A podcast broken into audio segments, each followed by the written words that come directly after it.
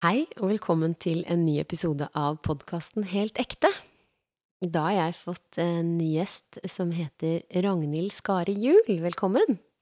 Tusen takk, Cecilie. Veldig hyggelig å få lov til å besøke deg. Og du kaller deg mindfulness-legen. Nei, hva kaller du deg på jo, Instagram? Jo, det er helt riktig. Ja. Eh, jeg har eh, kalt meg mindfulness-legen på Instagram, ja. ja. Og når begynte du å gjøre det? Jeg tror jeg startet med den Instagram-profilen min kanskje for halvannet eh, år siden, og da var det faktisk den eldste datteren min som foreslo at jeg burde jobbe litt med å spre budskapet mitt litt utover bare hver enkelt pasient, så hun hjalp meg med å få i gang det tekniske, for jeg hadde ikke peiling i det hele tatt eh, på, på noe egentlig med Instagram, og hjalp meg også med å legge ut den første tiden, og så sa hun nei, etter hvert nå nå har jeg ikke tid til, til, det her, så må du nesten ta over selv. Mm. Så tenkte jeg oi, det virka jo litt skummelt, men så har jeg jo sett og tenkt at det er veldig fint å få dele litt sånn budskap om helhetlig helse og hva som er både ny kunnskap, ny forskning med flere enn bare de som kommer til meg på klinikken, da. Så det var jo noe av grunnen eh, til at eh, jeg starta med det. Og mm, jeg ser også at ut ifra det jeg holder på på Instagram, så har jeg også fått et ganske stort nettverk som er eh, veldig opptatt av helhetlig helse med andre fagpersoner, og utrolig mange hyggelige og spennende folk da, som tar kontakt, og som også deler mye av de tingene som jeg, eh, jeg er interessert i. Mm. Og helhetlig helse, du er lege? Jeg er lege og er utdanna i Oslo for lenge siden. Jeg har jobba som lege nå i over 20 år, mm. så det begynner å bli mange år siden jeg var eh, ferdig utdanna. Føler du at dette feltet er i motsetning til hva du lærte på legestudiet, eller hvorfor har man behov for å snakke mer om helhetlig helse i forhold til hva som er medisin og anerkjent medisin i dag, tror du? Ja, det Jeg tenker at eh, jeg bruker, i hvert fall som eh, lege i jobben min, veldig mye av det jeg har lært fra tidligere. Så jeg ser ikke at det står i noen motsetning, men jeg tenker mer at eh, dette er eh, eh, mange sånn basic ting da, som vi kanskje ofte ikke har tid til å snakke om som leger, fordi man kommer ofte med akutte ting, og så er vi ikke så flinke til å se ja, men hva skjedde bak det jo, da hadde jeg hatt stor belastning, ikke sant, med sånn og sånn som gjorde at jeg ble syk. Så jeg tenker at jeg jobber med, med mange ting som egentlig er veldig sånn grunnleggende ting. Og så syns jeg det er veldig spennende å følge med på ny forskning som kommer, for jeg ser jo at de vi sier jo at medisinske sannheter de varer jo ikke så lenge, så stadig skjer det nytt. Så jeg syns det er veldig spennende og interessant å hele tiden egentlig følge med og lære meg nye ting og se hvordan jeg kan hekte det på ting som jeg har lært fra før av, og som jeg ser og tenker kan være nyttig for de som, eh, som kommer til meg, da. Mm. Mm. Men din, eh, din, reise som lege, kan du fortelle litt om da du var nyutdanna, og hvordan du har kommet dit du er nå, og om, om interessen for dette feltet har, har kommet Hvor det kommer fra? Ja, det skal jeg prøve å gjøre. Når jeg studerte medisin, så var jeg så heldig å ha en veileder som heter Anna Louise Kirkegjengen. Og hun var eh, allmennlege og har etter hvert eh, blitt professor. Eh, og det som hun var veldig opptatt av, det var historien til pasientene. Så jeg følte at gjennom studiet så ble jeg på en måte opplært da, til å ikke bare se eh, pasienten som pasienten var nå, og symptomene som de var, men også lært opp til å tenke tilbake og spørre og være interessert og nysgjerrig på historien til pasientene. Og det hun eh, lærte meg, det er jo at oppveksten har utrolig stor betydning, og at faktisk den kan speile seg i mange av de symptomene som pasienten kan ha kanskje 20-30-40-50 år senere. Så hun har jo også skrevet en doktorgrad om krenkede barn og en bok som blir syke voksne. Så jeg tror det perspektivet, da, det har jeg hatt med meg hele veien. Eh, det med å prøve å se hele mennesket, og også syns jeg det er veldig interessant med historien til de som, eh, som, kommer til meg.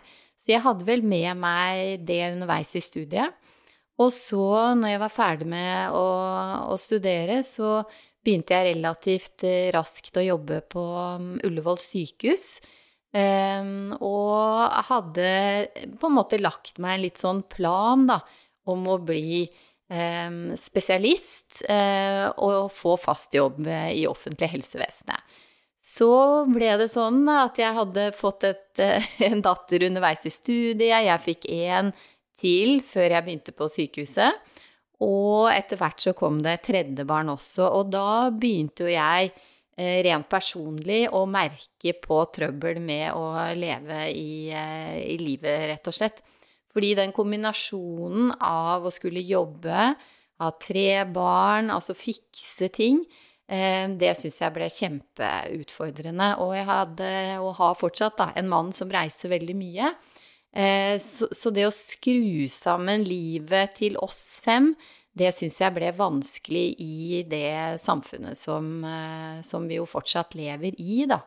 Med veldig mye hektisk, masse ting. Det ble en sånn derre runddans i hamsterhjulet som aldri tok slutt. Og jeg følte at jeg på en måte mista meg selv eh, veldig mye. Jeg fikk aldri tid til å stoppe opp eller gjøre noe, for jeg var veldig hele tiden på jakt etter det som skulle komme med planlegging, grubling, vurdering. Altså det ble, det ble veldig strevsomt, eh, rett og slett, da, eh, med det. Og jeg husker også godt når mannen min var ute og, og, reiste, så måtte mamma komme og hjelpe meg å levere i barnehagen fordi jeg begynte så tidlig på jobben at hadde ikke barnehagen åpna. Så det ble veldig mye styr. Og jeg merka eh, på min egen helse at det ikke ble bra. Og jeg husker, hvis jeg skal være litt personlig, særlig en gang eh, når jeg hadde vakt på, på, sykehuset på Ullevål. Jeg husker jeg våkna callingen klokka fem på morgenen med skrukkete klær, håret helt sånn på skeive og helt vrengt i, i fjeset. Og eh, kjente at jeg bare var helt eh, gåen. Så skulle jeg gå ned i, i mottagelsen, og jeg merka jo at hjernen min ikke var med i det hele tatt. Så det å skulle kunne ta imot en pasient med sin historie på en god måte, huske hva jeg skulle gjøre, være praktisk, altså fikse og ordne, det kjente jeg bare var kjempevanskelig. Og det gjorde jo også at jeg kjente på en veldig sånn følelse av å være mislykka, da. Eh, og jeg husker jeg satt, og det, det gikk noe sånn noenlunde greit, det var ikke noe sånn veldig store feil som skjedde. Men når vi da hadde morgenmøte, så skal du presentere pasientene, så satt jeg med en veldig sånn følelse Når blir jeg avslørt, liksom? Altså, jeg kan jo ikke jobben min, jeg er ikke bra nok, jeg er ikke flink nok. Altså, jeg fikser ikke. Så, så, det ble veldig mye ubehag og masse selvkritikk i forhold til, til um, noe som jeg nå etterpå tenker hang sammen med at det var for mye. Det gikk ikke, gikk ikke opp, rett og slett, da. Mm. I tillegg til det så husker jeg når jeg kom hjem akkurat etter den vakta, med hadde jeg jo tre barn, at jeg var veldig sur, jeg var irritert, og at jeg ikke var noe god At jeg følte meg som en veldig dårlig mor. Eh, og at jeg måtte tenke sånn Hvordan har jeg havna her, liksom? Oppi et sånt system sånn som dette. Ikke fikser jeg jobben. Eh, dårlig mor. Eh, sur, irritert. Ikke overskudd. Um, og det ble på en måte Og så sa Og fortsatt så blir jeg litt sånn rørt av når jeg tenker på det, for da husker jeg den eldste datteren min eh, ble på en måte redd meg fordi at hun syntes at jeg var så sint. Mm. Og da tenkte jeg hvordan kunne jeg på en måte havne opp i det, da. Mm. Og det var en veldig sånn sterk og vond opplevelse. Mm. Som fortsatt nå, etter så mange år, da mm. Hun er jo 25 år nå. Så fortsatt så husker jeg det veldig godt, da. Mm. Eh, og det jeg gjorde som i etterkant virker veldig teit, det var at jeg tenkte at nei, da, da, må jeg gjøre om på jobbsituasjonen min. Så det jeg gjorde, det var jo at jeg begynte med en doktorgrad i stedet. Det er det eneste alternativet man ser, kanskje, når man sitter i den da, eh, virkeligheten der. Ikke sant, så da virka det som en veldig god idé. Fordi at da trengte jeg jo ikke ha så strenge ikke sant, tidsplan på dagen jeg kunne levere og hente i barnet. Når jeg tenkte liksom at det var litt lurt, da. Pluss at jeg, hvis jeg skulle fortsette å være på Ullevål, så må du jo på en måte ha en doktorgrad for å få fast jobb. Mm. Så jeg begynte med det, men så merka jo etter hvert at det var Hjernen var fortsatt ikke med. Altså, jeg hadde ikke hvilt meg ut. Jeg hadde ikke tatt den tiden jeg trengte til å ja, eh, lande i og tenke ordentlig gjennom hva, hva, som egentlig Hva jeg hadde lyst til. Og jeg hadde jo kommet langt bort fra den derre tanken med å se helheten og alle de tingene. Jeg ble på en måte såpass dratt inn i alle mulige ting, tenker jeg, at helhetstanken og det som jeg hadde med meg fra studiene med nydelige Anne Louise Kirkeengen, det var blitt litt borte i kålen, for å si det sånn. Det var så mye andre greier. Så da måtte jeg ta en ny stopp igjen, da, og tenke litt mer, ta litt mer pause og kjenne etter hva, hva skal jeg gjøre nå, hva er viktig for meg. Og da kom jeg veldig tilbake igjen da, til at det første jeg måtte gjøre, var å hvile meg ut. Jeg kunne ikke klare å ta noen gode valg eller gå videre med en gang, men jeg kjente at jeg må på en måte Jeg må hvile meg litt ut, eh, rett og slett. Så eh, Det som kom fram i meg, var jo det der ønsket med igjen å komme tilbake til helhetlig medisin, da, og også med de erfaringene jeg da ha med meg eh, fra det som jeg selv erfarte, hvor det bare ikke gikk opp. Energibalansen gikk ikke opp. Jeg tenker at nervesystemet mitt sto i konstant eh, beredskap, og jeg merka jo i tillit til at hodet ikke fungerte, hukommelse, konsentrasjon. Sov jeg dårlig, mer vondt i kroppen. Jeg husker jeg hadde litt sånn utslett som kom og gikk. Magen eh, var ikke noe særlig heller. Så det, det, var så mange symptomer som, som, kom, og noe hadde roa seg litt ned når jeg fikk, fikk eh, eh, Altså tatt meg litt pause. Men det er noe med akkurat som en sånn slittaier Burt Wire, som en sånn mm. uh, Som liksom sto sånn og, og, kjørte og kjørte og kjørte. Så Men tilbake til, eh, til eh, en ny justering.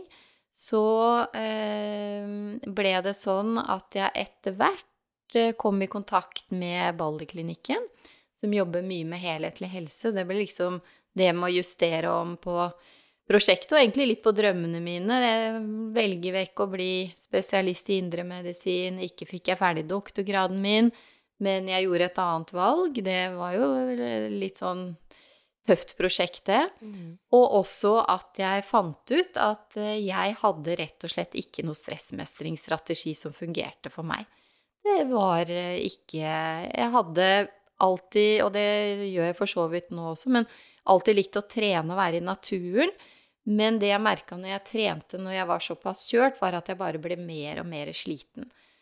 Og utover det så hadde jeg ikke noe veldig mange andre gode verktøy. Så jeg utforska på en måte ganske mange selvhjelpsbøker. Jeg har jo massevis av det hjemme. Kom i kontakt med yoga og etter hvert også dette med oppmerksomt nærvær og meditasjon, da, med lege Mikael Di Vibe, eh, hvor jeg kjente veldig sånn umiddelbart at yes, her er det noe i meg som faller på plass eh, når jeg lærte om å kunne erfare det med det oppmerksomme nærværet, med å på en måte både trene på å la hjernen min være på samme sted som kroppen, men også jobba jeg veldig mye med det med holdningen til meg selv, da. Å møte det som var i meg, på en sånn vennlig og raus måte. I stedet for den pisken som jeg da hadde brukt i mange år, veldig effektivt eh, i forhold til å piske meg selv, stadig videre til noe nytt, og hvor det bare kjørte og gikk i hamsterhjulet. Så, så, det ble liksom flere egentlig viktige prosesser. Og så hadde vi også en ganske viktig prosess hjemme, mannen min og jeg, hvor vi prøvde å se litt hvordan kan vi til sammen få det til å gå opp med hovedvekten eh, på å ta vare på, på, på oss da, og på jentene hjemme. Så jeg har jo egentlig valgt meg en vei som sånn sett ikke er en karrierevei, eh, men som har inneholdt familien som grunnstruktur, for å si det sånn, og bygd mye rundt det. Og så at vi på en måte som voksne har prøvd, og så godt vi har kunnet, også gjøre sånn at vi skal få eh, ja, jobbe med ting som vi også syns er spennende og interessant, sånn at vi også kunne ha mulighet til å utvikle oss, da. Eh, og det er jo en vanskelig kombinasjon i dagens samfunn hvor det er så mange ting som skjer hele tiden med masse fritidsaktiviteter, det er sosiale medier Altså, det er ikke lett å bygge et liv. Eh, og jeg tenker at det er en veldig stor utfordring, ikke bare for meg, men jeg ser jo det for veldig mange av mine pasienter, å få det til eh, på en bærekraftig og ok måte. Jeg skal ikke si at det er umulig, men jeg tenker noen ganger at det nesten Det å leve et sånt, hva skal vi si, naturlig liv, da, mm. eh, i samfunnet som er nå, det er jo kjempeutfordrende.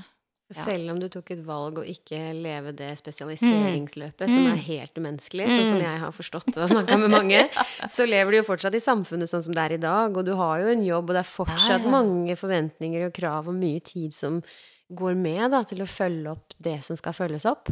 Så selv om det er der at du har eh, sett hva som er viktig for deg, så mm. er det vel ikke lett hver dag likevel?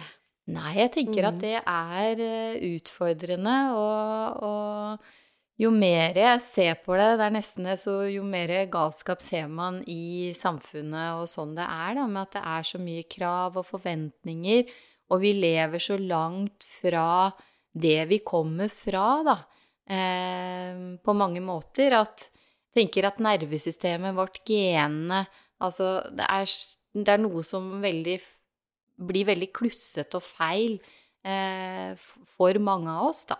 Eh, I det samfunnet som, som, vi nå lever i, og at så mye er kunstig, på en måte. Altså maten vi spiser, ikke sant, det er masse ultraprosessert mat. Det er masse miljøgifter, altså det er ting, stoffer som er skumle i lufta kjemikalier Det er så mange ting, da. Og ikke for å nevne For å glemme den mobilen og alt som har med sosiale medier å gjøre. Så jeg tenker at det er ganske utfordrende for eh, genene våre, kroppene våre, hormonene, nervesystemet og hjernene våre, da. Eh, å leve i den verden som, som er. Men så er det jo her vi er.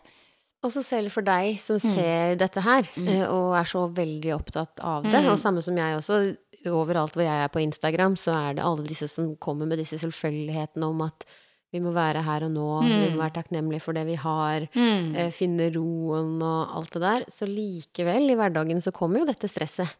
Og, og, alt med ultraprosessert mat, og jeg ser jo på barna mine også, jeg prøver jo hele tiden å velge riktig, men ja, alt som kommer, så har man ikke overskudd til å følge opp i den grad man ønsker. Og jeg har jo en venninne som eh, er der du var, og hun tør ikke å få barn, for hun er redd for å ødelegge mm. ungene sine. For mm. hun er jo oppvokst i den prestasjonskulturen som gjør at vi ønsker oss den stillingen på Riksen. Mm. Vi ønsker oss det. Hvor kommer det ønsket fra? Mm. Hvor tror du det ønsket mm. kom fra hos deg? Ja, Det er jammen ikke godt å si. Det jeg tror mer hos meg, var at jeg ikke ønsket. Eh, var, jeg tror det er det derre at når du kommer akkurat som inn på et sånn samlebånd, på en måte, så ble, var det så mye for meg hele tiden at jeg mistet kontakten med egentlig ønsket, verdiene mine, det som var viktig for meg. Og så ble jeg på en måte nesten bare kjørende på. Jeg ble litt sånn hengende etter meg selv hele tiden. Sånn at i stedet for at jeg ønsket eller valgte, så gjorde jeg det motsatte. Jeg bare var på autopilot og, og bare hang med, da, eh, i det på en måte. Mm. Så, så mer fravær av valg nesten enn ønsker. Tror du ja. det kommer fra skolen? At det at begynner på skolen på et eller annet vis? Ja, jeg tenker det. At eh, når du begynner med en utdannelse eller noe, så er det jo ofte at det er en forventning til et løp, løp man følger, da. Eh, og uten at man da eller jeg i hvert fall, gjorde så mye vurderinger, så tenkte jeg at det var naturlig at det var det jeg også skulle gjøre. I tillegg til at jeg vel selv hadde med meg i hvert fall det ønsket med å ha familie, barn, um, og så ønsker om å være aktiv, ikke sant. Så til sammen, da, så ble det mange ting. Men mange av oss kan nok ha med oss også verdier og måter eh, som vi tror er våre verdier, som kanskje egentlig er familieverdier, eller som er, som du sier, samfunnsverdier eller kulturer, da, i de yrkene vi kommer eh, i kontakt med også. Mm. Så mister kanskje litt kontakten med hva er egentlig mine verdier, og hva, hva er det som er viktig for meg, da. Det har vært voldsomt engasjement rundt den unge moren eh, som var lege og tok mm. livet sitt ja. ganske nylig. Ja.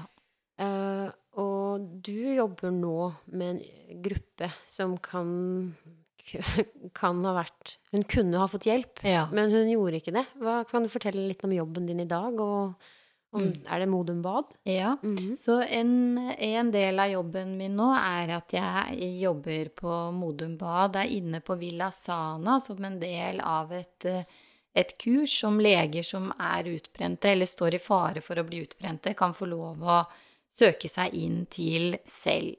Og det er et kurs hvor du ikke fører journal, eller det er ikke behandling, men du har mulighet til å få snakke med noen, og så får du eh, sammen med kollegaer lære deg verktøy som kan være til hjelp for deg for å kunne håndtere stress og ubehag i hverdagen din. Så det er jo et veldig fint tilbud. Eh, men det er klart at man må jo komme på tilbudet for at det skal, eh, skal hjelpe. Og jeg tenker jo at inn i veldig mange yrkesgrupper så ville jo det å kunne jobbe med å ha lært seg allerede verktøy, da, eh, for å håndtere stress, være nyttige kanskje allerede fra barnehagen, ikke sant, at man har lært seg å puste, lære seg noen enkle teknikker for å kunne kjenne igjen eh, og ta i bruk når det er uro og, og stress, da. Mm. Så, men det tror jeg veldig mange av oss mangler. Og så tror jeg at mange av oss er veldig ukjent med å kjenne etter. Så kanskje spiser vi, eller vi bare går rett på mobilen, eller ehm, ja, vi trener veldig hardt hvis vi kjenner litt ubehag eller et eller annet, istedenfor å kanskje stoppe litt opp og kjenne etter hva er dette, og hva handler det egentlig om, så er vi mange av oss litt raske til å dytte vekk ubehaget, da. Eh, vi ønsker ikke ubehag, og så heller bare forte oss å avlede med å gjøre noe annet. Eh, er det en overvekt av kvinner hos deg, eller er det jevn kjønnsbalanse? Det er eh, både på alle de tre stedene jeg jobber, både på Modum Bad eh, og på Lovisenberg psykiatriske poliklinikk og på Balleklinikken, så har jeg flest kvinner som kommer til meg. Mm. Og det vi vet om kvinners helse, er jo at vi lever jo lenger enn menn. Og vi er flinkere, mange av oss, til å oppsøke hjelp enn det menn er. Så, men jeg har noen menn også. Men eh, det er sikkert også kanskje noe med en kulturforskjell der, da. At menn Det er litt andre ting de søker for. Eh, og at det kanskje kan være litt vanskeligere. Jeg vet ikke, jeg, jeg er ikke mann, så jeg kan ikke si akkurat det. Men at ofte så, så er det flest kvinner som søker hjelp. Ja. Vi hadde doktor Five her, og ja. vi snakka jo litt om akkurat dette. Og hun eh, var så uheldig å si at det er flest damer som sliter med dette tankekjøret, mm. og som får fysiske lidelser som mm. følge av eh, disse følelsene. Mm. Og da fikk jeg en veldig fin tilbakemelding eh, av en eh, coach som var poengterte at dette er veldig uheldig, å si at dette gjelder damer. Mm. Og jeg tror, som du sier, at det er nok heller flest damer som søker hjelp. Mm. Fordi, både fordi at vi er i en ganske ny situasjon, der damene kommer ut i jobb først bare for en generasjon siden. Og det er så mye som skjer, da. og, mm. og at vi nå ser hvilken vei det går, at vi heldigvis søker hjelp og kan få hjelp. Men at eh, for menn så har det vært kanskje en litt sånn følelse av svakhet, det å kjenne på følelser. Og siden det tradisjonelle kjønnsrollemønsteret har vært litt sånn at det å bli sint, det er en maskulin eh, følelse, og det er mm. liksom greit. Mm. Mens det å gråte er en litt mer feminin følelse, mm. og det er mer skamfullt. Mens hvis man går enda lenger tilbake, eh, så kanskje det ikke var eh, skamfullt å gråte som mann. Men, men at i vårt samfunn så er det på en måte det det sterke, det, det, vi anser som sterkt nå, det er det som får dominere. Mm. Mens de litt mer feminine kvalitetene, det blir ansett som noe pysete og, og, negativt, og noe man kan gjøre narr av. Og, og, menn som kanskje kjenner på det, kanskje kan skamme seg litt og holde det for seg sjøl. Det er liksom mm. noe der jeg ønsker mm. å utfordre litt mer seinere i denne podkasten. Men uh, tenker du at det kan være noe i den sannheten? Jeg tenker at det er veldig interessant, for det er jo noe med at vi er jo ikke helt like menn og damer, så vi kan jo ut fra de samme situasjonene reagere forskjellig, men det kan jo også to forskjellige kvinner eller to forskjellige menn også. Så det er kanskje for enkelt å dele det inn i bare kvinner og menn, men at det er veldig personavhengig, da. Mm. Og at eh, tenker at oppfordringen vil være at uansett, hvis det er ting du sliter med som du syns er utfordrende og vanskelig, så er det jo viktig å søke hjelp. Og noen blir så fortvila og lei seg, og det kan være sammensatte årsaker, som selvfølgelig da kan ende med, sånn som du beskrev, da, ehm, med at man ender med ikke sant, å, å avslutte livet sitt. Og det er jo selvfølgelig uendelig trist, da. Så, så, det er jo noe med å prøve å hjelpe før eh, det kommer så langt. Mm. Mm. Eh, det jeg opplever i min praksis som tannlege, så ser jeg jo disse eh, der de ofte har gjemt seg gjennom og ikke vist følelser mm. før det handler om tannlegeskrekk. Ja. Eh, og da, når jeg utforsker denne tannlegeskrekken og blir kjent med personen bak, så ser jeg kanskje et mønster som du også går tilbake i mm. historien, om at mm. det, var noe annet som de på en måte har dekt over av følelser, eh, og har et sterkere ytre eh, mm. enn en de liker å innrømme, da. Mm. De liker ikke å vise fram denne litt sånn sårbare eh, indre mm. til alle rundt. Mm. Så jeg syns det er veldig spennende med menn og følelser. Det, for damer, vi er, så, vi er, egentlig veldig flinke til å ja. prate om det. Selv om vi er kanskje ikke like flinke til å ta det, eller vite hvordan vi skal justere oss, da. Fordi Nei. samfunnet tar oss bare i en runddans som vi ikke kan mm. kontrollere. Mm. Mm. Men jeg opplever at det er veldig mange som er sånn Ja, men sånn er det bare. Mm. Uh, har du noen tips hvor vi kan starte når vi har lyst til å gå ut av hamsterhjulet for å ta litt mer bevisste valg?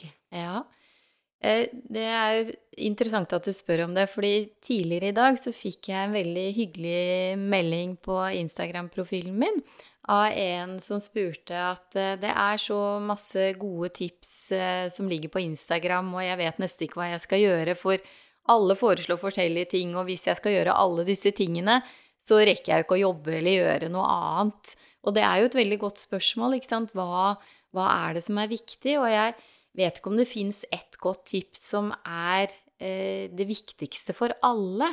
Men kanskje det å sette seg litt eh, ned, i hvert fall bruke litt tid på å tenke litt gjennom hva er det som er viktig for meg, og er det noe jeg mangler, eller som jeg skulle ønske var annerledes, så kan jo det med å åpne opp for litt refleksjon, da, være viktig. For jeg tror mange av oss vi er så hektiske at vi tar ikke det lille øyeblikket hvor vi setter oss ned, reflekterer, altså kjenner etter hvor, hvor er jeg nå?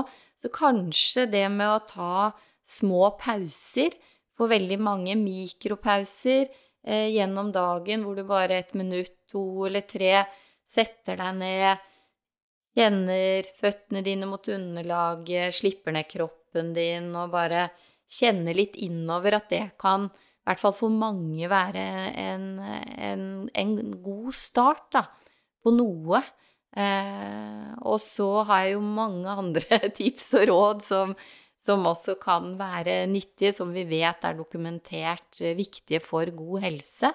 Så, men kanskje det kan være i hvert fall én sånn liten ting, er en sånn liten ny vane som for veldig mange kan åpne opp for å legge til rette for andre ting også, men da må du vite litt hva det er som er viktig for deg, da. Jeg tror det du sier med å legge inn mikropauser, og det første man gjør der, er å faktisk kjenne på hva man gjør mellom de ting, store prosjektene mm. sine. Og det man ofte gjør, kanskje, er å ta telefonen. Ja.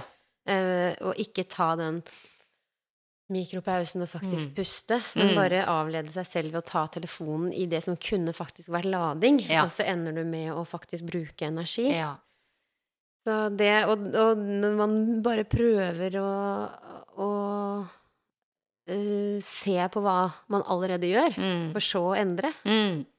Så det tror jeg er en sted. Men andre, hvilke andre ting som du sier er dokumentert, som er tydelige, gode råd for å uh, få det litt bedre. Finne mer ro, hvile mm. og lade litt mm. bedre. For det er jo noe med det og, og sånn som du sier, det med aktiv hvile. For ofte har vi jo tenkt at uh, hvile er passivt. Uh, nervesystemet lader seg bare jeg sitter i, i, sofaen eller driver med mobilen. At man tenker at det lader nervesystemet. Men det viser seg jo at det er ikke sånn. Det er en aktivitet uh, som gjør det motsatte, som du sier, hos de fleste. Så det vi vet som er veldig viktig, hvis vi knytter på det med mikropausene, det er jo å være i kontakt med naturen. Og det er kanskje en av de tingene som vi har kobla av veldig mange av oss. Tidligere så levde vi jo, ikke sant, i tråd med naturen på en helt annen måte. Vi fulgte cirkadiane rytmen til lyset, ikke sant. Sto opp når det var lys, vi sov når det var mørkt. Eh, vi levde sammen med naturen, både i forhold til matsanking med, med dyr, fisk, bær, eh, alle ting. Så, så det å, å, på en måte ha en kontakt med, med naturen eh, er viktig. Og der er det jo gjort mye forskning som viser at bare vi er i naturen, så skjer det noe med nervesystemet vårt, ikke sant? Sånn at da roer det ned nervesystemet uten at du trenger å gjøre så mye. Men da kan det være lurt å koble ut eh, headsetet, ikke sant, og ikke høre på podkast som kan være litt fristende for, eh, for mange av oss som syns det er mye gøy og, og spennende å lære. Eh, Koble av musikk og alt, og at du da virkelig bruker sansene dine når du er i naturen. Eh, fordi sansene er alltid her og nå. Så det å på en måte se, det å lukte, det å høre, eh, fuglekvitter, kjenne vind mot ansiktet, det vil jo være ting som er kjent for nervesystemet ditt. En, en, det er liksom naturlig for nervesystemet å være i naturen. Og vil resette og jobbe med, med å på en måte balansere. Så det er det jo gjort eh, mye forskning på. Eh, og da kan man jo også koble litt på fysisk aktivitet på det, da, med f.eks. å gå rolig tur. Og mange av oss, vi kan jo bli sånn at eh, når vi er stressa, så skal man fortsatt gjøre veldig sånn eh, ekstrem trening, men for mange så kan det være viktigere å ha veldig rolig trening hvor du ikke kjører da over melkesyreterskel. Det kan man gjøre med å gå eller å, å trene rolig eh, med det. Så natur som nummer to og fysisk aktivitet. Og så er jo søvn kjempeviktig, og det er jo heller ikke noe overraskende for oss, for det vet vi jo. Men det er noe med det, det kan være ganske vanskelig å prioritere å gå og legge seg om kvelden. Så mange sliter jo med, ikke sant, eh, å ta det skrittet og komme inn i senga eh, tidsnok. Og det er masse forskning som viser at vi, vi helst bør sove åtte timer eh, om natta. Så, så, det å prioritere søvn, det er viktig, men søvn henger jo også veldig mye sammen med hva du har gjort hele dagen. Så hvis du har stressa hele dagen, Eh, og nervesystemet ditt bare har stått og fyrt hele dagen, så er det kjempevanskelig, for da har jo kortisol, stresshormonene, vært ute og kjørt hele dagen. Og så skal melatonin, sovehormonet, komme opp på kvelden, og da vil de konkurrere. Så da blir det vanskelig for å få skilt ut sovehormonene ikke sant, eh, om kvelden. Så derfor har det du gjør om dagen, veldig mye å si for hvordan du sover om kvelden. Og så kan man jo bruke alt mulig sånn derre biohacks i forhold til hvordan man skal gjøre det. Men jeg tenker hvis vi tar det enkelt, så, så er det, vil mikropausene gjennom dagen de vil hjelpe deg til å sove bedre. Og så legge gjerne vekk mobilen. Unngå blått lys. Helst i et par timer før du skal eh, sove om kvelden. Mm. Du, nå brukte du et ord som het biohacks, og ja. du fortalte meg før vi starta i dag at du har vært på noe biohacking-samling i helgen. Kan ikke du fortelle meg hva biohacking er? For det vet ikke jeg. Jo, det skal jeg fortelle. For det, jeg ante ikke hva det var for halvannet år siden jeg heller. Jeg hadde aldri hørt om det før jeg skulle bli intervjua første gang på podkasten til Biohacking Girls. Ja. Eh, hvor jeg skulle snakke om lavt stoffskifte. Og da måtte jeg spørre Bernt Ronglin, som er sjefen min, du, hva er egentlig biohacking? Og han lo. Ja, men det er jo det vi har holdt på med på Ballklinikken i så mange år. Det betyr jo rett og slett at du gjør en del ting for å ta vare på egen helse, og rett og slett eh, hacke ditt eget system på en, en positiv måte, da. Ja. Så det går på egentlig de små tingene som vi snakker om nå, at man kan gjøre en del ting for å spille på lag med sin egen biologi, og, og gjøre at det skal være helsemessig gunstig, da. Ja. Mm. Og det er jo noe som jeg er veldig opptatt av med helsevesenet sånn som det er i dag. Og jeg spurte også Torkil Færø da han var her, om uh, når vi vet dette her, uh, som han skriver i boka si, og du mm. vet jo dette her, at dette her er dokumentert uh, god effekt for å forebygge god helse, hva er grunnen til at det ikke er et systematisk helsevesen som penser oss den veien, mm. og heller går på biohacking enn å medisinere? Det er jo veldig spennende. Vi vet jo det at det er bare 3 ca. cirka, i hvert fall, av alle utgiftene som går til helse i Norge, som går på forebygging. Så 97% går jo på behandling. Og sånn som helsevesenet er bygd opp, så sykehusene jobber jo veldig mye med å ta imot akutte ting, men også en del med å behandle pasienter med noen spesifikke kroniske plager. Eh, og fastlegene har jo veldig hektisk, tenker at de har vanskelige arbeidsvilkår, kort tid per pasient, og at de har på en måte ikke kapasitet da, til å jobbe med forebygging, eller eh, ofte mangler tid, eh, rett og slett, til å, å kunne snakke om alle de andre tingene. Fordi da må man ofte ta unna på kvarter eller 20 minutter eller 10 minutter de har, det som pasienten kommer med. Og så kan det bli vanskelig å ha tid sant, til å, å, ta tak i kanskje underliggende årsaker. Så jeg tror ikke det er det at de ikke vil eller kan nødvendigvis, men jeg tenker at det er et eller annet med oppbygning av systemet, da. Eh, og at vi som samfunn er for dårlige til å informere og eh, snakke om alle de tingene vi faktisk kan gjøre for å ha god helse, for det er jo faktisk veldig mange ting. Mm. Sånn at uh, vi er litt et sykevesen, da. Mm. Kaller oss helsevesenet, men vi er jo et sykevesen.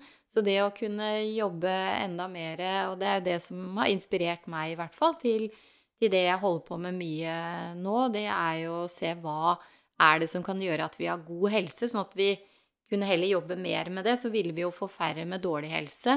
Um, og at det ville frigjøre også mye kapasitet, da i systemet, systemet vårt.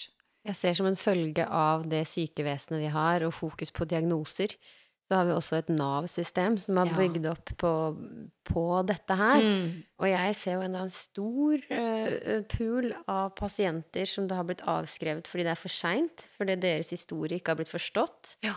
Og så ser de da at det ikke er noe hjelp å få, så det de kan lene seg på, er en diagnose, sånn at de i hvert fall er trygge økonomisk. Mens jeg ser hvilken angst dette her fremkaller, da. For mm. de ønsker å bidra, de ønsker å være en del av mm. samfunnet. Samtidig som de er avhengig av denne diagnosen for å få den trygge, faste inntekten og være liksom sikker. Og, det blir et voldsomt stress for veldig mange. Ja, ja. Og det er jo veldig leit, rett og slett, sånn som du sier, med at ting kunne kanskje vært oppdaget og gått annerledes hvis, hvis det hadde vært et eller annet system eller noen som kunne fange det, da. Mm. Og kanskje også at vi har ord for det, for det er klart mm. at når det kommer noen til meg med eksem eller irritabel tarm, det kommer noen som har veldig lite energi, det kommer pasienter med høyt blodtrykk, det kommer noen med depresjon og angst, så er jo det symptomer, men kanskje symptomene har samme rotårsak. Mm. Ikke sant? Og det er jo da som igjen kan henge sammen en, ganske mange, mange hendelser, da, eh, fra tidligere tider. Og hvis vi ikke får fanga det, så vil det jo fort bli at diagnosen blir bare den og den og den, mens kanskje hele mennesket og det det egentlig handler om, det får vi ikke opp på agendaen. Og det krever jo tid, ikke sant? Mm. Og når systemet ikke er bygd opp at man har så lang tid til å snakke sammen med pasientene, så, så er det veldig vanskelig, og for ikke å si umulig, tror jeg, da, eh, å fange opp de tingene. Eh, men jo mer vi snakker om det, deler det, så vil det kanskje også være lettere for de som kommer og setter ting i sammenheng, og at vi som helsepersonell også som jobber med, med mennesker som, som sliter, eh, vil kunne ha lettere for å skjønne hva som ligger bak, og dermed eh, kunne hjelpe bedre, da, istedenfor bare å jobbe med eksemen, skal du gjøre sånn og sånn, eller tarmen skal du gjøre sånn og sånn, så er det noe med å se på rotårsaken, hvorfor er dette kommet, tanker rundt frykt, altså verdier Det er så mange ting som, som også er viktig, i tillegg til vanlig behandling. Så det ene utelukker jo ikke det andre. Vi må jo ofte gjøre begge deler med å behandle ting også. Men det er viktig å se på hva det er som skaper det, da. Mm. Eh, og det tror jeg veldig mange er enig i, men det er bare at systemet er, er litt vanskelig i forhold til å få det til, da. Og kanskje ikke det er legene som trenger å ta det hele fulle rollen i dette her, men Mm. etter hvert så er det veldig mange gode mentaltrenere, coacher, eh, bare men medmennesker som har kunnskap om det, og kanskje Mm. man trenger bare en samtalepartner. Ja. Det å ha litt samtalegrupper. Det er så mye Mm. mer i samfunnet vårt. Det er mye større potensial enn vi utnytter i dag for Ja. å gjøre noe med dette her. Helt enig. Jeg tenker f.eks. type frisklivssentraler. Jeg var og holdt foredrag i Hole kommune, Mm. som altså en frisklivsuke, hvor jeg snakka om det med hva som skal til for å, å ha en god helse. Og der syns jeg det var veldig fascinerende å se. Der er det, det er noe med å ha et lavterskeltilbud hvor alle på en måte kan komme og få et tilbud, sånn som du sier. Eh, med å bli sett, møtt, hørt, eh, så vil det kanskje, sånn som du sier, det være mange av oss som kunne dele ansvaret sammen, da, om å hjelpe hverandre. Mm. Fordi det tredje punktet, nå har vi jo tatt mikropauser, vi har tatt natur, vi har tatt søvn, men så kommer vi inn på relasjoner, som du er inne på nå, og det er jo også kjempeviktig. Og hvis vi igjen ser tilbake til naturlig livsstil, hvis vi kan kalle det det, sånn som vi levde før, så levde man jo mye tettere på hverandre. Eh, og mange mennesker i dag føler seg isolerte, ensomme. Vi har jo bare sett på de studiene nå sant, som er kommet opp med studenter, hvor én av tre studenter eh, kunne fylle kriteriet for å få en psykiatrisk diagnose. Og det er jo ikke noe nytt. Vi vet jo at veldig mange sliter på ungdomsskolen, videregående. Så, så det er jo noe med det relasjonelle og sånn som samfunnet er bygd opp, da, som gjør at mange føler seg utenfor utenforskapet, rett og slett. Mm. Eh, og sosiale medier er det jo også gjort forskning på, viser jo at det hvis man i utgangspunktet føler seg ensom, så bygger jo det opp under den ensomhetsfølelsen, for da er det lett å sammenligne seg med andre, som gjør at du ofte kommer enda dårligere ut. ikke sant? 'Oi, se så fint de er det'. Nå har de vært på det, mens jeg har bare vært hjemme. Så det er noe med at tidligere Jeg har tenkt noen ganger så kunne man liksom sammenligne seg med klassen eller skolen, men nå så kan du sammenligne deg med hele verden.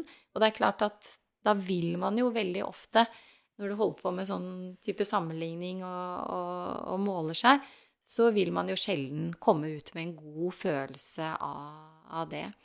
Og i de derre blue zones i verden, det er jo fem soner i verden hvor man lever ekstra lenge og har god helse, så er jo det derre relasjonelle veldig, veldig viktig, da.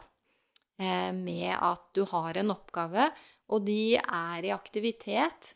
Eh, selv om de på en måte slutter i vanlig jobb, så har de en funksjon, og det er jo også viktig, det med å ha en, en funksjon, eller føle at du, du bidrar på en eller annen eh, måte inn, da. Mm. Eh, så, så det derre med, med relasjoner er, er kjempeviktig, og vanskelig. Når du sier alt dette her, så tenker jeg igjen på min venninne som er nå veldig sånn i Riksen-forløpet, der hun Ja. jobber steinhardt og i et konkurransemiljø eh, Mm. der hun har tenkt at dette er det hun skal oppnå. Mm. Samtidig som det virker som det er en sånn indre kamp om hva er grunnen til at hun ønsker å oppnå dette. Mm. Og når du sier hvor viktige relasjoner er, og du tok et valg der du valgte bort karriere, Mm. og valgte familie og relasjoner som det aller viktigste. Mm. Og jeg som har også kommet dit at selvfølgelig er familie det aller viktigste. Mm. Men jeg har også vært der jeg har bortprioritert familie fordi jeg har lyst til å jobbe for å bli anerkjent eh, hos min arbeidsgiver. Ja. Og den derre Men det igjen, det er jo anerkjennelse fra andre. Ja.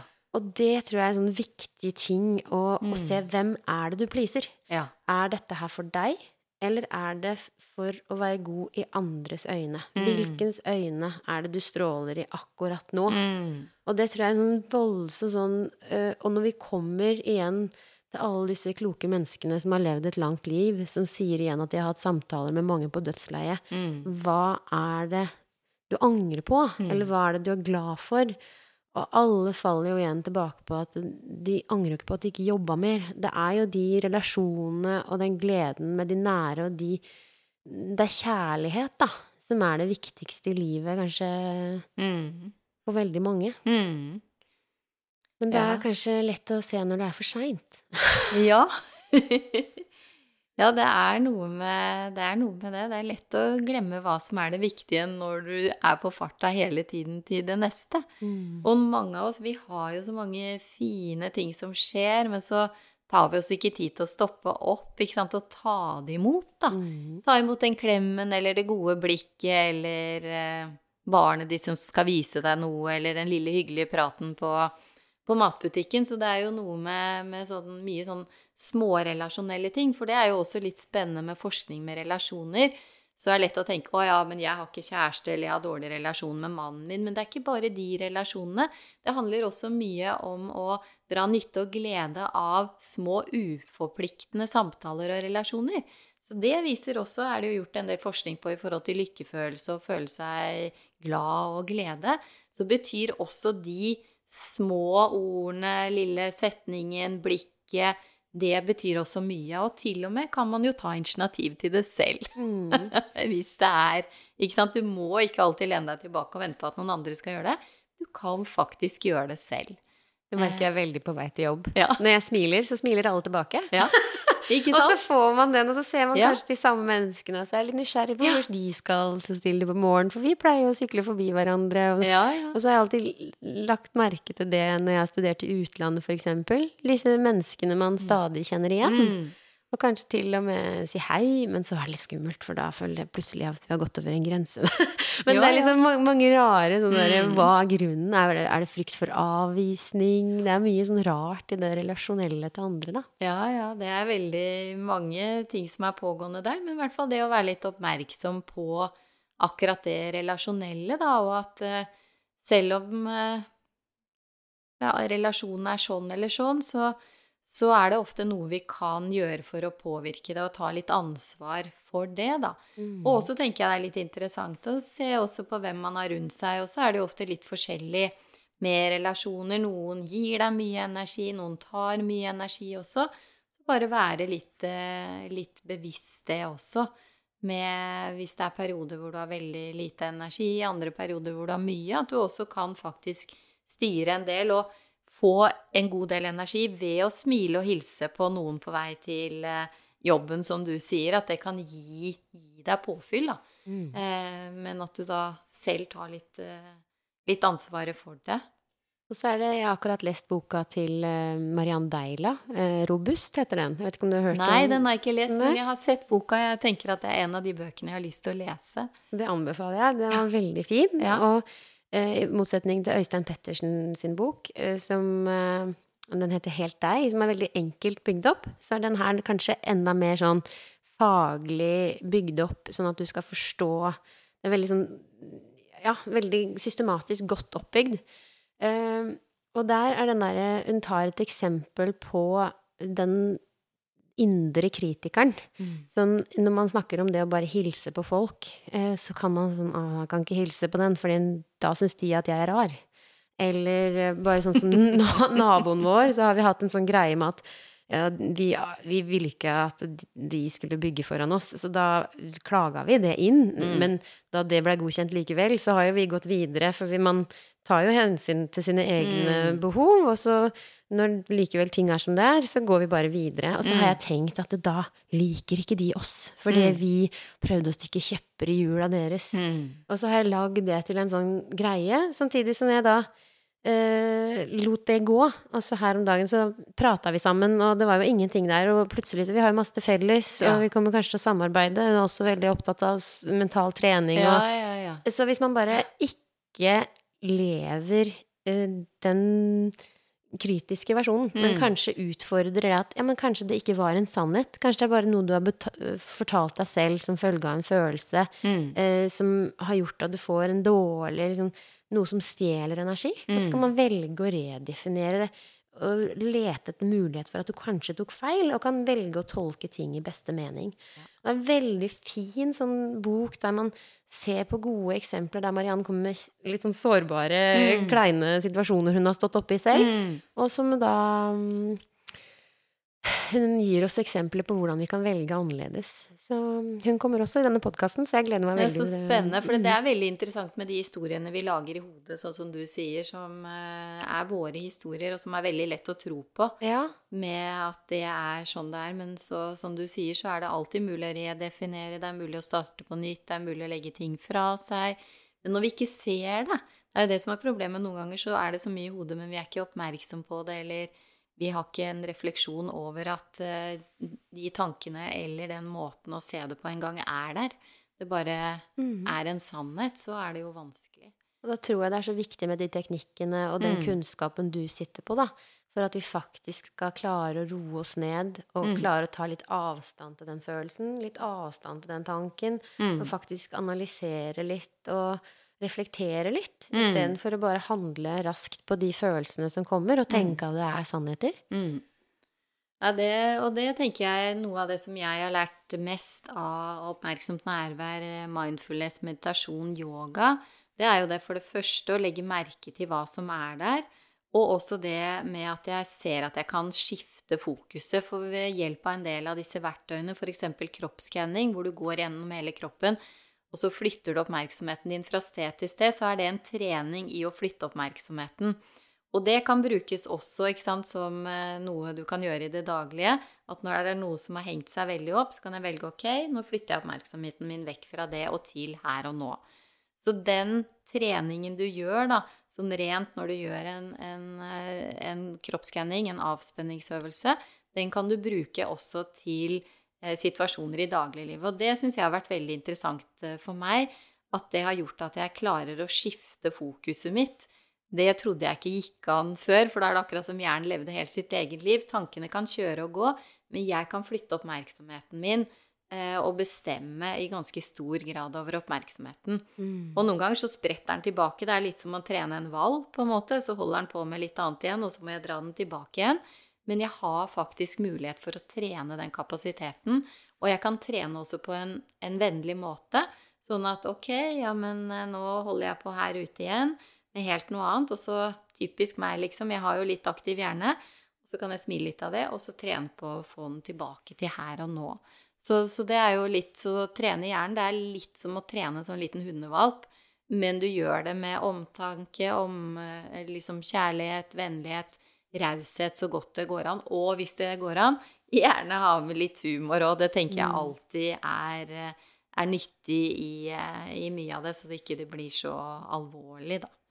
Veldig gøy at du forklarer det på denne måten her, som lege, fordi jeg er med i Heart Mentality, som ja. er sånn digitalt treningssenter. Ja, jeg vet jo, de er jo fantastiske. Kjempefine. Ja. Og måten eh, Anja bruker den humoren og mm. le av deg selv når du tar fokuset tilbake. Mm. Og det er sånn, for jeg som flinkis, så er det veldig sånn Å, jeg er så dårlig på det. Å nei, å bli sint på seg selv. Det blir sånn negativ følelse. Ja. Men, men, som du sier, sånn litt sånn vennlig og humoristisk, mm. og bare trene på det. Mm.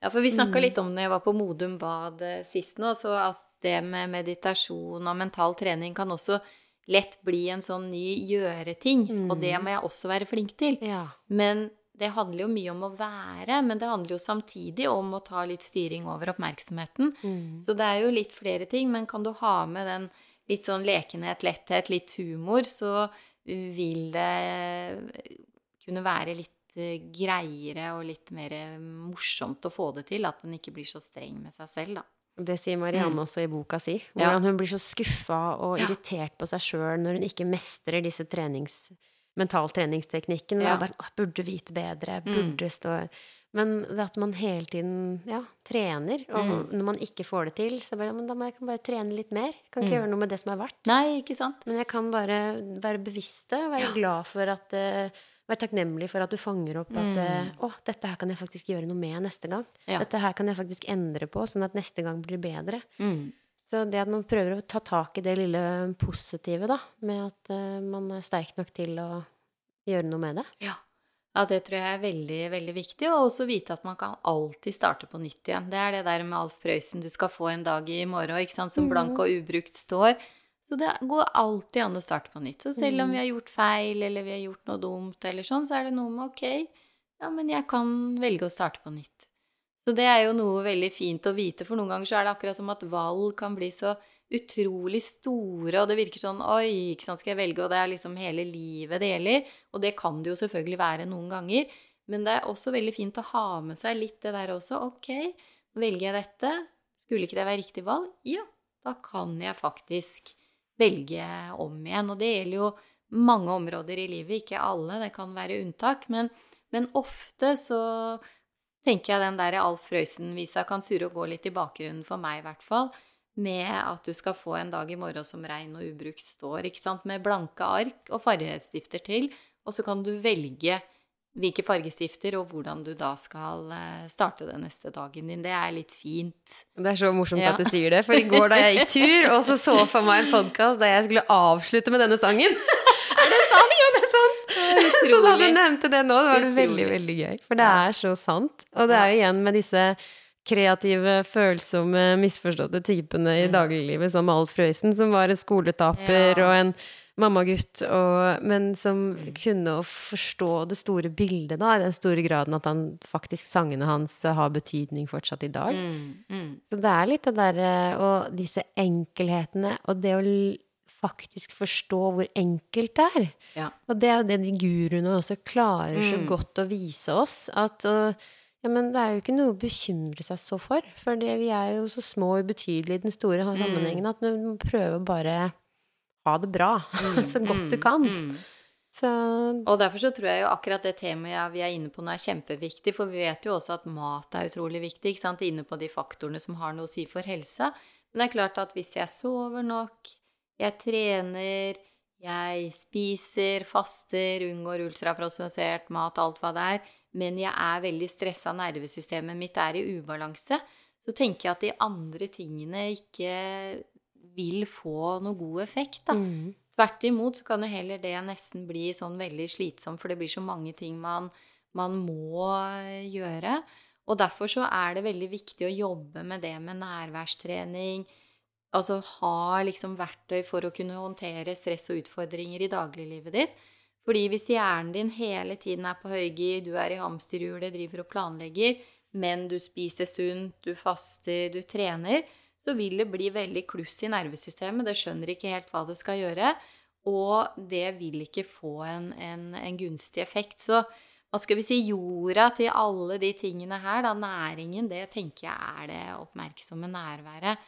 Og det er jo har jeg å, eh, valgt å kalle meg mindfulness-legen på Instagram. Eh, og jeg tror ikke bare at det er det som er viktig, men jeg tror at det med nærvær er kjempeviktig for oss som mennesker, da. Mm. Eh, og så er jo de andre tingene også viktig for god helse, men har du mm. ikke noe av det på plass, eller har lært deg verktøy og sånn, så tenker jo jeg at det vil være én ting som det går an å starte med de mikropausene, som var det vi starta med, at det er kjempeviktig, da. Mm. Å utforske det Jeg tror det er superviktig det du sier med det stresset det påvirker å gjøre alt riktig. At det mm. er faktisk skadelig for oss. Mm. Og det er nok i den store debatten som var om næring, eller om mat, mm. og om Kaveh Rashidi og disse uh, Han kaller det blir en sånn De som er veldig opptatt av maten og riktig mat i kostholdsdebatten. Mm. Uh, så er det jo det jeg føler at han prøver å mm, beskrive. At det er så viktig å ta det litt med ro. Og prøve så godt man kan å ta de gode valgene. Men så forstår jeg også disse som er veldig opptatt av uh, ultra, ultraprosessert mm. mat og av kunnskap om hva som er gode valg. Mm. For det er så mm. vanskelig å navigere, da, ja. i den kostholds... Uh, hva er gode valg? Mm. Og det er det de prøver å faktisk heise opp som noe viktig. Så ja. jeg syns det er så synd at det, det blir to motpoler når de mm. egentlig ønsker det samme. Ja. Ja, for det, det, er jo også viktig, og det er jo noe av det som kan være vanskelig da, når man ønsker å påvirke, og det er veldig mye forskning som tilsier at det er riktig, mm. eh, så er det jo noe med at eh, da, da, har man jo lyst til å informere om det og dele det og sånn. Og da tenker jo jeg at i hvert fall for min del så tenker jeg at det er veldig viktig da å være åpen for ny forskning, ny kunnskap, og ikke henge meg opp i det som har vært tidligere, fordi vi vet at ting er stadig i endring, da. Eh, og at det er litt av vår oppgave som helsepersonell, syns jeg, da, å ikke være for bastante og holde for mye på eh, gammel kunnskap uten å gå videre. Når det begynner å komme ny forskning som viser nye ting, da syns jeg at det er veldig viktig å ta det inn, da. Eh, i, eh, i, i råd. Ja. Og så tror jeg det er så viktig at vi tør å stole på oss selv. Og ikke bare stole på råd Mm. og lytte til alle andre. ja. Og jeg var akkurat i Sør-Afrika, og jeg er jo Vi var på safari, og da gikk vi med en sånn eh, to, to rangers. Mm. Som da fortalte oss om hva vi kunne se, og hva vi kunne finne, og holde oss trygge, sånn at ikke vi skulle bli spist av noen løver. Uh, og jeg da er jo opptatt av, eh, av dyr og natur, men jeg er jo igjen aller mest opptatt av mennesker og kommunikasjon. Ja. Uh, og det et veldig, veldig godt eksempel på sannheter man bare får høre, er at hun ene lurte på Vi sto under et amarula-tre. Uh, og lærte om da elefantene. Vi så at det var flatt rundt, og at det ble fortalt at elefantene sto der og spiste amarula-frukt. Og så sa hun at 'jeg har hørt at elefantene kan bli fulle av nedfallsfrukt'. Og så sa han da, som var veldig eh, rolig og sindig, bare 'Jeg skal ikke avvise noe jeg ikke vet'. ja. Men det jeg vet Så begynte han jo da å fortelle om elefantenes fysiologi. Hva, hvorfor ville elefantene drikke seg fulle, eller bli Mm. fulle? Ja. Nei, det kan jo hende at de spiste det, og det skjedde. Ja, men hvis de har gjort det én gang, så vil de jo aldri gjøre det igjen. Nei. For elefanten er jo i fare hvis han blir full. ja. Så det var jo én. Ja. Og uh, igjen, hva vet vi om nedfallsfrukt? Den vil jo råtne, den vil ikke gjære. Og- og da vil man jo ikke kunne bli full. Mm.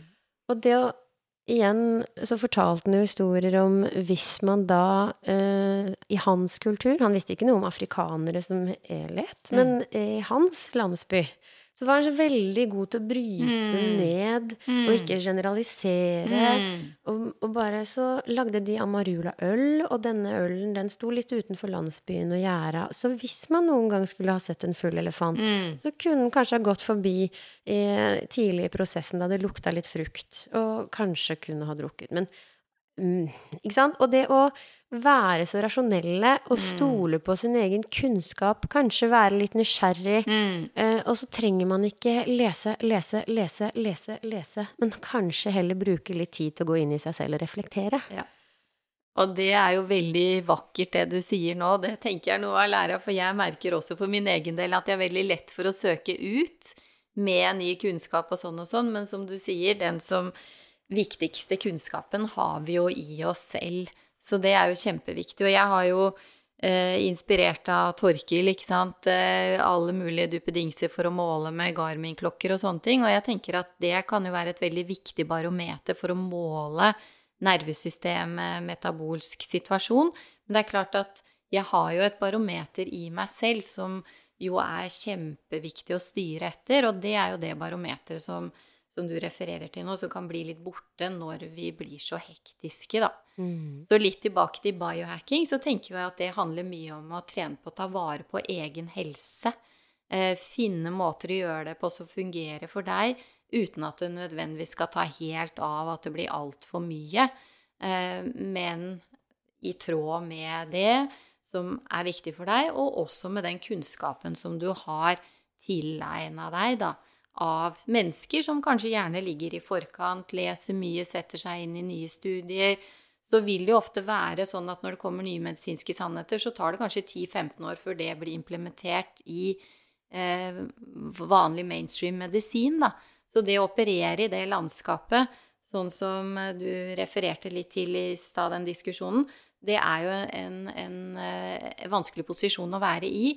Men, eh, men det er jo veldig modig at eh, mange gjør det, og det tenker jo jeg er veldig litt sånn inspirerende nå, hvor eh, sannheten ikke bare eies av det offentlige helsevesenet, men hvor det er veldig mange engasjerte mennesker. Bare se på Marit Kolby, ikke sant, med, med boka hennes, eh, som jobber for å sette seg inn i ting, er kjempegode fagpersoner, jobber med det, at det er veldig viktig at kunnskapen kan spres, da, kanskje litt nedenifra på en annen måte, mens før så kom det mer ovenifra. Mens nå så spres det kunnskap ut på helt andre måter enn det det gjorde før. Så skal vi selvfølgelig være kritisk, men jeg tenker kanskje aller viktigst er at man er litt åpne, litt sånn som du sier, og så reflekterer og ja, eh, ser litt eh, på, på, det som kommer, da. Og det er jo spennende nå med podkaster og veldig mange andre kanaler, ikke sant, som kan bruke for å, å, spre viktig informasjon til befolkningen, sånn at befolkningen i Norge eh, som ikke får informasjon, det vet vi jo, det er bare 3% som blir viktig forebyggende helse, selv kan ha muligheten til å sette seg inn i hva, hva som er viktig for dem, og hvordan de kan ta vare på, på helsa si, da. Mm. Mm. Og da tror jeg også det er så viktig med god kommunikasjon og kunnskap og trygghet i seg selv, der man kan, faktisk kan utveksle informasjon på en litt sånn uh, nysgjerrig måte, mm. istedenfor å bare ta folk i å si feil ting ja. som polariserer. Ja. Så samtidig mm. som jeg eh, takker igjen for det kjempegode innspillet etter episoden med Dr. Five, der han igjen ja. plukka opp denne ene det poenget med at det er flest kvinner ja. Og så veldig, veldig sant, der dette handler om begge kjønn, ja. men at det er kanskje flest kvinner som enda søker hjelp. Ja. Så det er sånn der. Og det at man tar det opp som noe positivt, istedenfor mm. å bli lei seg for at ting blir kritisert. Ja. Så syns jeg alle som tør å snakke om det, er så tøffe, og at vi sammen ønsker jo det samme. Vi mm. ønsker jo en friskere befolkning, ja, ja, sånn at vi eh, får et friskere samfunn, og at mindre skattepenger går ut på syke, mm, mm. sykevesenet vårt. Mm. Ja, det er kjempeviktig. Og jeg tenker den siste faktoren jeg hadde lyst til å si litt om, det er jo at noe av det som var eh, i forhold til hva skal vi si, naturlig liv eh, tidligere, var jo det at eh, livet var kanskje mer vekslende i forhold til at man også hadde perioder med sult, ikke sant, tørst, kulde, eh, mindre oksygen, eh, eksempel. Eh, og også ekstrem fysisk aktivitet. Så det er jo en ting som jeg også syns har vært veldig morsom, for nå har jeg jo hatt den stressmestringsavdelingen min som jeg holdt på med de siste 15 årene, som går på veldig mye rolig aktivitet, bevissthet, oppmerksomhet. Og så har jeg det siste halvannet året oppdaga det som man ofte kaller intermittent living, som går på at du i perioder utsetter kroppen din for faktisk stress og ubehag. Og at forskning viser at når vi gjør det, så aktiverer du mange sånne eh, selvhjelpsmekanismer i kroppen som er veldig viktig for oss som mennesker. Blant annet det med autofagi, som er en type hva skal vi si, opprydningsaksjon i mange celler i kroppen. Mitofagi, som går på å lage masse mitokondrier, energi. Eh, og også på det med å rense lever. I tillegg kommer det an mange andre helseeffekter også. Men det er litt spennende, fordi det, det, betyr at vi trenger også utfordring. Nå har vi snakka mye om stress, og det er ikke bra med kronisk stress eller for mye stress over tid. Men hvis vi blir for late eller for konforme, så er det heller ikke bra for genene våre eller systemene våre. Og vi vet at uh, snart så er det, det er jo 8 milliarder mennesker i verden, og det er gjort en del forskning, så vi tror at om ca. hvert ti år så vil halvparten av verdens befolkning ha en eller annen metabolsk problem i forhold til overvekt eller fedme. Ikke sant? Så det er jo noe med hvordan kan vi spille på lag med alle disse forskjellige systemene våre. Og da syns jeg det er veldig spennende med isbading, det er spennende med sauna, det er spennende med varianter av faste ikke sant, som, eh, som kommer inn, for å ta de tre, da. Eh, så det er jo også interessant at ved faktisk kortvarig f.eks. ta en isdusj eller gå ut her og bade, kjøle ned kroppen, så vil eh, det også være noe som genene våre liker. Og da skrur de på masse gener som er bra for helsa vår, og at det også kan hjelpe oss å holde oss mer friske. I tillegg er det gøy, eh, og du får jo masse utskillelse av nevrotransmitter i hjernen, ikke sant, både noradrenalin, adrenalin, dopamin, serotonin Altså det er masse som skjer eh, også, så det er jo også en, en helt ny sånn hva skal vi si, liten sånn miniavdeling, da, som man også kan bruke for uh, å ha det litt gøy og utfordre seg, oppleve mestring, mye gunstig med det, i tillegg til kanskje de andre mer sånn vanlige tingene som de fleste av oss vet ganske mye om, da. Så, og det syns jeg er, eh, er, litt fascinerende, og det syns jeg har vært veldig morsomt. Mm. Jeg er veldig pysete sjøl og ikke noe glad i å bade. Jeg tør fortsatt ikke å få hodet under vann, men jeg har utforska det eh, med de teknikkene her nå eh, mye siste året, og jeg syns at det gir meg veldig masse livsglede, og det er erfaringen med andre som jeg treffer, som også holder på med det samme, at det er noe veldig sånn gøy, morsomt, lek, mestring rundt eh, akkurat det, da. Og samhold. Og relasjonelt er det kjempespennende. Vi ser jo bare på Ringsa her Ikke gjennom sant? hele vinteren klokka ti ja. hver lørdagsmorgen. Så ja. er det en stor gjeng ja, som bader og har kaffe og Det er så bra, ikke sant. Mm. Så det er sånn som du sier, da kommer den sosiale avdelingen inn også. Og jeg har jo også noen pasienter som har vært veldig plaga med residiverende, tilbakevendende depresjon som har begynt å bade og får veldig sånn glede av alle de nevrotransmitterne som gjør at de blir glade. I tillegg så er det jo mange som, som du sier, som opplever så utrolig positivt det med det samholdet, kan være med i badeklubb Altså det er så masse hyggelig i det. Ekstremt nærvær, selvfølgelig, når eh, du er ute og gjør det. Det er natur. Altså det er mange hva skal vi si, naturlige ting da, for mm. kroppene våre. De liker det, genene våre er der. Eh, så det kan i hvert fall for en del være spennende. Det er ikke alt som passer for alle. Man må utforske, teste ut. Eh, du skal være forsiktig også med det. Har du plager med helsa på, på, noe som du er redd for, så er det lurt å spørre lege i forhold til det. Men eh, jeg tenker at for mange, det er gratis, altså du kan gjøre det når som helst. Mm. Så er det mye gøy med, med det, da. Da tror jeg det er fint å kjenne på balansen mellom at smerte, det er jo noe som hjernen frykter for ja. når vi holder oss trygg. Ja, ja. Og noe som isbading, det kan jo faktisk være veldig vondt. Yes. Og veldig mye er jo styrt på frykt, for det vil unngå ubehag. Og det er kanskje derfor folk blir veldig passive. Så det er veldig fint at man prater om det som noe helsebringende. Samtidig som igjen den eh, offentlige diskusjonen gjør at det, Nei, noen påstår at det igjen er farlig, at ja, det ikke er noe bra. Men det er kanskje for de som du sier, de som mm. kanskje er hjertesyke og utsatt. Mm. De burde kanskje ikke gjøre det hvis Nei. legen sier noe annet. Nei. Men for folk flest så tror jeg det er eh, veldig, mm. veldig bra. Jeg syns mm. det er gøy at det er. ja. ja, det syns jeg også. Ja. Mm. For det er jo litt igjen med den naturlige livsstilen eller det vi er vant til, sånn som genene våre. Altså selv om mye er annerledes, da, så er det jo så mye som er likt i oss. Men samfunnet er veldig annerledes. Men akkurat det derre med hvordan kroppen har systemet for å hjelpe oss, og at vi faktisk kanskje trenger det da, mm. for å holde oss friske og motstandsdyktige, ikke sant? Mm. Eh, både mentalt og eh, i forhold til f.eks. For beskyttelse mot infeksjoner, mm. forkjølelsesvirus, at det er viktig med at vi skal møte litt motstand eh, også. Mm. Eh, så ja takk til litt av hvert. og jeg syns det har vært en veldig fin eh, samtale der vi faller tilbake på at man skal stole på denne sunne fornuften med mm. å kjenne litt etter og mm. prøve å ta gode valg for deg her og nå. Mm. Eh, jeg er så glad for at du ville komme på besøk. Er det noe du hadde gleda deg til å fortelle meg, eller at du hadde håpa å bli spurt om, som vi ennå ikke har uh, eh, snakka om? Um, nei, jeg tror at vi har vært innom veldig mange av de tingene som jeg uh, er opptatt av, og som jeg tenker du er opptatt av også. Som jeg syns det har vært uh, fint å få, få dele. Så um, tusen takk for at jeg fikk eh, lov til å komme og snakke med deg. Det har vært veldig, veldig fint. Tusen takk for at du ville komme. Og jeg håper på en eller annen vis at veiene våre krysses igjen.